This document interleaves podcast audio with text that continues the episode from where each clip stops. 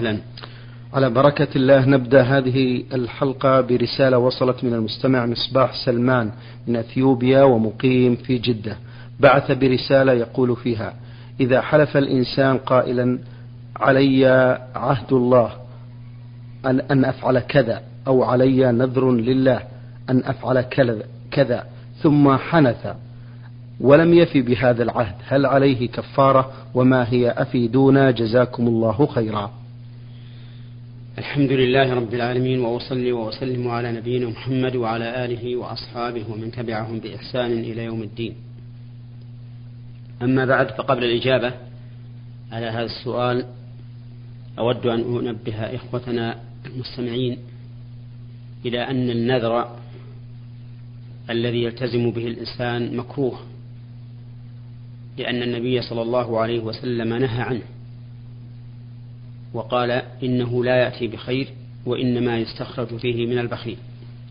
حتى إن من أهل العلم من قال إن النذر محرم لأن الإنسان يلزم نفسه بما لا يلزمه فيشق على نفسه وربما يتأخر عن إيفائه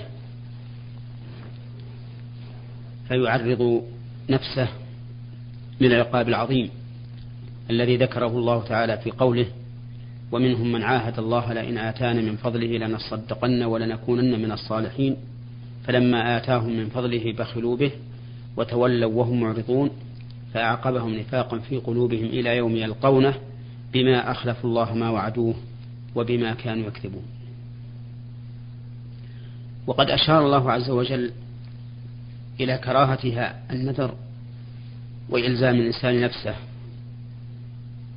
فقال تعالى وأقسموا بالله جهد أيمانهم لئن أمرتهم لا يخرجون. قل لا تقسموا طاعة معروفة. ثم إننا نسمع دائما عن أناس نذروا نذورا معلقة على شرط من الشروط كأن يقول إن شفى الله مريضي فلله علي نذر أن أصوم كذا أو أن أتصدق بكذا أو إن شفاني الله أو ما أشبه ذلك ثم يحصل له ما علق النذر عليه ولا يفي به. وهذا كما أشرت إليه آنفا تعريض من الإنسان لنفسه أن يقع في هذه العقوبة العظيمة أن يعقبه الله نفاقا في قلبه إلى يوم يلقاه. وإذا ابتلى الإنسان فنذر فإن كان النذر نذر طاعة فإنه يجب عليه الوفاء به ولا يحل له أن يدعه. لقول النبي صلى الله عليه وسلم من نذر أن يطيع الله فليطعه. ولا فرق بين أن يكون نذر طاعة واجبة كأن يقول الإنسان مثلا لله علي نذر أن أؤدي زكاتي. أو نذر طاعة مستحبة كأن يقول لله علي نذر أن أصلي ركعتين. ولا فرق بين أن يكون هذا النذر مطلقا غير معلق بشيء أو يكون معلقا بشيء. فالأول كأن يقول لله علي النذر أن أصوم الاثنين والخميس. والثاني أن يقول إن شفى الله مريضي أو إن شافاني الله فلله علي نذر أن أصوم الاثنين والخميس. على كل حال كل نذر طاعة فإنه يجب عليه الوفاء به ولا يحل له أن يدعه ويكفر. ولو فعل كان آثما. أما إذا كان نذر غير الطاعة فإن كان نذر معصية فإنه لا يجوز الوفاء به. لقول النبي صلى الله عليه وسلم من نذر أن يعصي الله فلا يعصي. ولكنه يجب عليه كفارة يمين. لقول النبي صلى الله عليه وسلم كفارة النذر كفارة يمين. وهذا عام. فكل نذر لا تفي به فإن عليك فيه كفارة يمين وكفارة اليمين بينها الله تعالى في قوله فكفارته إطعام عشرة مساكين من أوسط ما تطعمون أهليكم أو كسوتهم أو تحرير رقبة. وهذه ثلاثة على التخيير. فمن لم يجد فصيام ثلاثة أيام ذلك كفارة أيمانكم إذا حلفتم واحفظوا أيمانكم. وبناء على هذه القاعدة يلزم هذا السائل الذي قال لله علي عهد أو لله علي نذر أن أفعل كذا وكذا ولم يفعله يلزمه أن يكفر كفارة يمين فيطعم عشرة مساكين أو يكسوهم أو يعتق أو يعتق رقبة. وللإطعام كيفيتان. الكيفية الأولى أن يصنع طعاما غداء أو عشاء ويدعو إليه عشرة مساكين فيأكلوه. والثانية أن يفرق عليهم طعاما كالرز مثلا ويحسن أن يجعل معه لحما يؤدمه حتى يكمل الإطعام. ومقداره أي مقدار الواجب من الرز إذا أراد أن يفرقه بدون طبخ مقداره ربع صاع بصاع النبي صلى الله عليه وسلم. وهو خمس صاع بصاعنا الموجود حاليا. ولو أخرج الإنسان للعشرة عشرة كيلو لكل واحد كيلو لكان أدى الواجب وزيادة. الله أعلم. بارك الله فيكم. شيخ محمد هل يشترط عشرة مساكين؟ إذا لم يجد هؤلاء المساكين بعينهم شيخ الأقارب وال... يدخلون في هذا؟ لا يدخلون. لقوله تعالى فكفارته إطعام عشرة مساكين. والمساكين سواء كانوا من الأقارب أم من غيرهم بل إذا كانوا من الأقارب فهو أفضل طيب. من غيرهم. لكن إذا قدر أنه لم يجد فقد بين الله حكم ذلك في آخر الآية في قوله فمن لم يجد فصيام ثلاثة أيام. ونفي الوجود هنا يشمل من لم يجد الطعام فيطعمه ومن لم يجد المساكين. وإن كان عنده مال كثير إذا لم يجد المساكين فإنه يصوم ثلاثة أيام. لكن يشترط في الأيام الثلاثة إذا صامها أن تكون متتابعة. نعم. بارك الله فيكم. آه، في سؤاله الثاني يقول فضيلة الشيخ إذا كان الرجل في الصلاة فإن عليه أن يمنع المارين أمامه فكيف نتعامل مع من لا يمتنع خاصة إذا كان المسجد مزدحما مثل المسجد الحرام وغير ذلك؟ يقول النبي عليه الصلاة والسلام إذا صلى أحدكم إلى شيء يسره من الناس فأراد أحد أن يجتاز بين يديه فليدفعه. فإن أبى فليقاتله أي فليدافعه وإن أدى ذلك إلى الضرب أو أو ما أشبه ذلك فإنما هو شيطان وفي لفظ فإن معه القرين. فأنت دافع بالتي هي أحسن أولا فإن أصر فادفعه ولو بقوة لأنه كما قال النبي عليه الصلاة والسلام شيطان. وإذا كنت في محل مزدحم فالأفضل أن تتحرى الأماكن القليلة الازدحام بقدر ما تستطيع. وأنت عليك أن تتقي الله ما استطعت وإذا جاء أمر خارج عن قدرتك واستطاعتك فإن الله لا يكلف نفسا إلا وسعها. نعم. بارك الله فيكم. آه، البعض من الناس يحركون السبابة في التشهد آه، إلى آخره. هل يجوز ذلك أم أن تحريك السبابة يقتصر على أشهد أن لا إله إلا الله وأشهد أن محمدا عبده ورسوله؟ نرجو الإفادة. تحريك السبابة إنما يكون عند الدعاء وليس في جميع التشهد. طيب. فإذا دعا حركها كما جاء ذلك في بعض الأحاديث يحركها يدعو بها. ووجه ذلك أن الداعي إنما يدعو الله عز وجل والله سبحانه وتعالى في السماء لقوله تعالى أأمنتم من في السماء أن يخسف بكم الأرض فإذا تمور أم أمنتم من في السماء أن يرسل عليكم حاصبا فستعلمون كيف نذير. وقال النبي عليه الصلاة والسلام ألا تأمنوني وأنا أمين من في السماء. فالله تعالى في السماء أي في العلو فوق كل شيء. فإذا دعوت الله فإنك تشير إلى العلو. ولهذا ثبت عن النبي عليه الصلاة والسلام أنه خطب الناس في حجة الوداع وقال ألا هل بلغت؟ قالوا نعم. فرفع أصبعه إلى السماء وجعل ينكتها إلى الناس يقول اللهم اشهد اللهم اشهد اللهم اشهد ثلاثا. وهذا يدل على أن الله تعالى فوق فوق كل شيء وهو أمر واضح معلوم بالفطرة والعقل والسمع والإجماع. وعلى هذا فكلما دعوت الله عز وجل فإنك تحرك السبابة تشير بها إلى السماء وفي غير ذلك تجعلها ساكنة.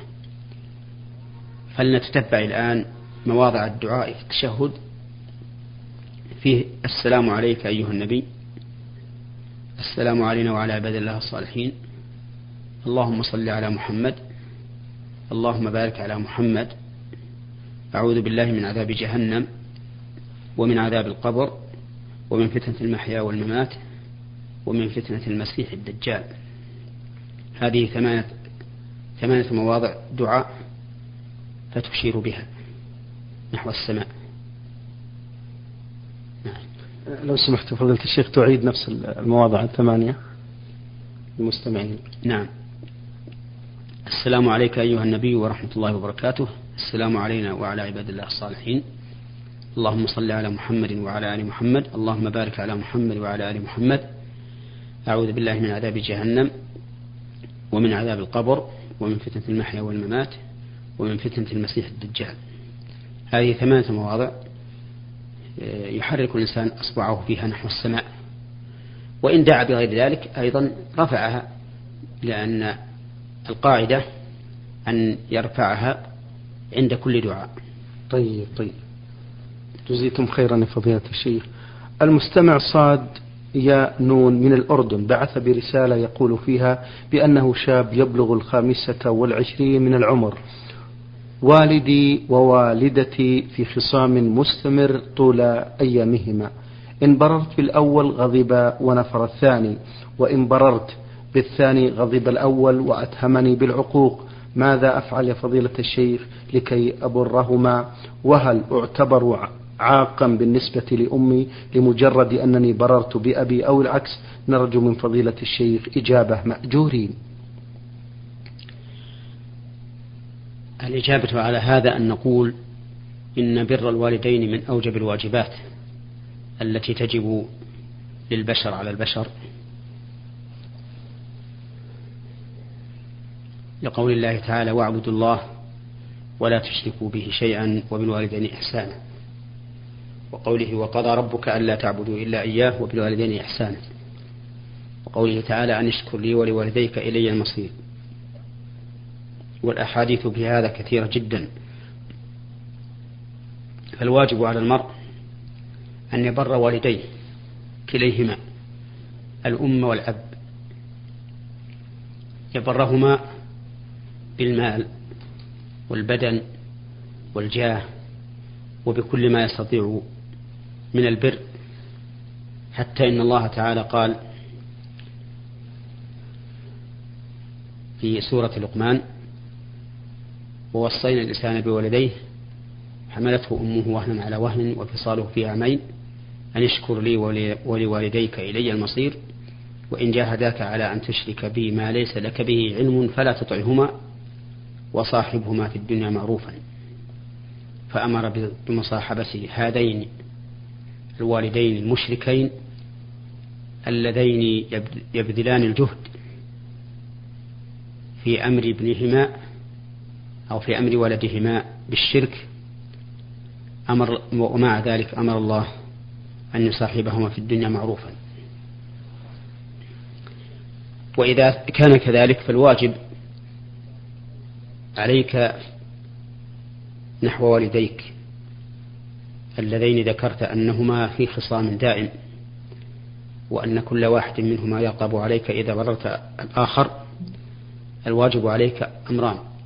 الأمر الأول بالنسبة للخصام الواقع بينهما أن تحاول الإصلاح بينهما ما استطعت حتى يزول ما بينهما من الخصام والعداوة والبغضاء لأن كل واحد من الزوجين يجب عليه للآخر حقوق لا بد أن يقوم بها.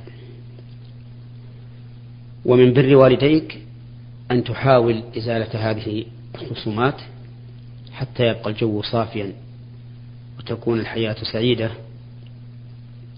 وأما الأمر الثاني فالواجب عليك نحوهما أن تقوم ببر كل واحد منهما وبإمكانك أن تتلافى غضب الآخر إذا بررت صاحبه بإخفاء البر عنه. فتبر أمك بأمر لا يطلع عليه والدك. وتبر وتبر والدك بأمر لا تطلع عليه أمك. وبهذا يحصل المطلوب ويزول المرهوب.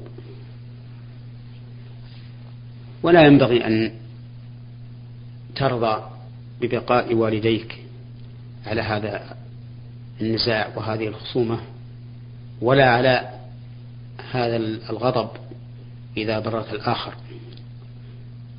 والواجب عليك أن تبين لكل واحد منهما أن بر صاحبه لا يعني قطيعة قطيعته أي قطيعة الآخر بل كل واحد منهما له من البر ما أمر الله به ورسوله. نعم. بارك الله فيكم. بر الوالدين فضيلة الشيخ بعد الممات كيف يكون؟ بر الوالدين بعد الممات يكون بالدعاء لهما والاستغفار وصلة الرحم التي هما سبب الرابطة بينك وبينها وإكرام صديقهما. بارك الله فيكم. هذا السؤال حقيقة فضيلة الشيخ محمد آه، مهم جدا وطالما ذكرناه في آه، منبر نور على الدرب ونظر لأنه يمس حياة المسلم وهو أول ما يحاسب عليه المرء الصلاة. آه، سؤال مهم نذكره في هذه الحلقة من المستمع من الأردن صاد يا نون يقول فيه هل الذي يترك الصلاة تهاونا وكسلا وإهمالا يعتبر كافرا أو مرتدا؟ نرجو الإفادة. نعم. هذا السؤال كما قلت هام جدا. وذلك أن كثيرا من الناس يدع الصلاة تهاونا وكسلا. بناء على أنه مؤمن يشهد أن لا إله إلا الله وأن محمدا رسول الله ويعتبر نفسه من عصاة المؤمنين الذين يدخلون تحت المشيئة. إن شاء الله عذبهم وإن شاء غفر لهم. لقول الله تعالى إن الله لا يغفر أن يشرك به ويغفر ما دون ذلك لمن يشاء. ولكن القول الراجح الذي تؤيده الأدلة أنه أي تارك, أي تارك الصلاة تهاونا وكسلا كافر كفرا مخرجا عن الملة. وذلك لدلالة القرآن والسنة وأقوال الصحابة عليهم فمن أدلة القرآن قوله تعالى فإن تابوا وأقاموا الصلاة وآتوا الزكاة فإخوانكم في الدين. فرتب الله ثبوت الأخوة في الدين على هذه الأمور الثلاثة. التوبة يعني من الشرك وإقام الصلاة وإيتاء الزكاة. ومن المعلوم أن الحكم المرتب على أوصاف لا بد أن تكون هذه الأوصاف تامة فيه لأن المشروط لا يتم إلا بوجود الشرط. فإذا لم يتوبوا من الشرك فليسوا إخوانا لنا في الدين لأنهم مشركون. وإن تابوا من الشرك ولم يقيموا الصلاة فليسوا إخوانا لنا لأنهم لم يقيموا الصلاة. وإن تابوا من الشرك ولم يؤتوا الزكاة فليسوا إخوانا لنا في الدين لأنهم لم يؤتوا الزكاة. هذا ما تدل عليه الآية الكريمة. ولكن قد جاءت السنة ببيان أن تارك الزكاة أو أن مانع الزكاة ليس بكافر. كفرا مخرجا عن الملة وهو ما رواه مسلم عن أبي هريرة رضي الله عنه أن النبي صلى الله عليه وسلم قال ما من صاحب ذهب ولا فضة لا يؤدي منها حقها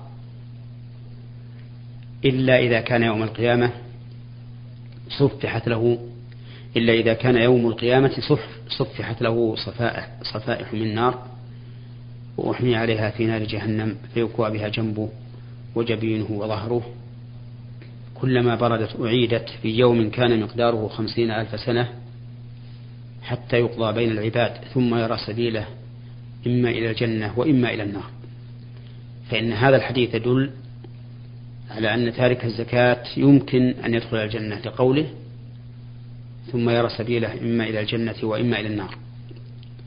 وعلى هذا فيكون مفهوم الآية الكريمة مخصوصا بها بمنطوق هذا الحديث. ومن المعلوم أن بين أهل العلم أن القرآن أن السنة النبوية تخصص القرآن الكريم. أما تارك الزكاة فلم يرد في السنة تخصيصه بل جاء في السنة ما يؤيده. حيث ثبت عن النبي صلى الله عليه وسلم في صحيح مسلم من حديث جابر رضي الله عنه أن النبي صلى الله عليه وسلم قال بين الرجل وبين الشرك والكفر ترك الصلاة. وفي السنن من حديث بريدة بن حصيب رضي الله عنه أن رسول الله صلى الله عليه وسلم قال العهد الذي بيننا وبينهم الصلاة فمن تركها فقد كفر. ووردت أحاديث أخرى في هذا المعنى. فهذا دليل من القرآن ومن السنة.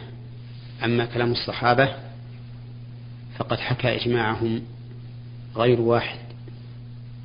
فقال عبد الله بن شقيق التابعي المشهور كان أصحاب النبي صلى الله عليه وسلم لا يرون شيئا من الأعمال تركه كفر غير الصلاة.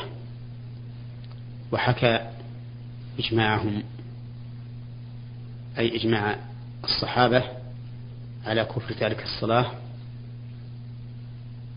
الإمام إسحاق بن راهوية رحمه الله وغيره من أهل العلم ممن نقل الإجماع في ذلك. ثم إن النظر يقتضي أيضا أن يكون كافرا لأن من عرف حقيقة الصلاة وفضلها وعناية الله بها والثواب والثواب الجزيل لمن حافظ عليها والعقاب على تاركها وأنها هي الفريضة التي فرضها الله على رسوله صلى الله عليه وسلم من غير واسطة وفرضها عليه في أعلى مكان بلغه النبي صلى الله عليه وسلم. ليلة المعراج. أقول من عرف فضلها ثم ومرتبتها في الدين ثم عرف ما يترتب على فاعلها على على تاركها من العقوبة ثم عرف ما يترتب على تاركها من العقوبة العظيمة. فإنه لا يمكن إذا كان في قلبه إيمان أن يدعها.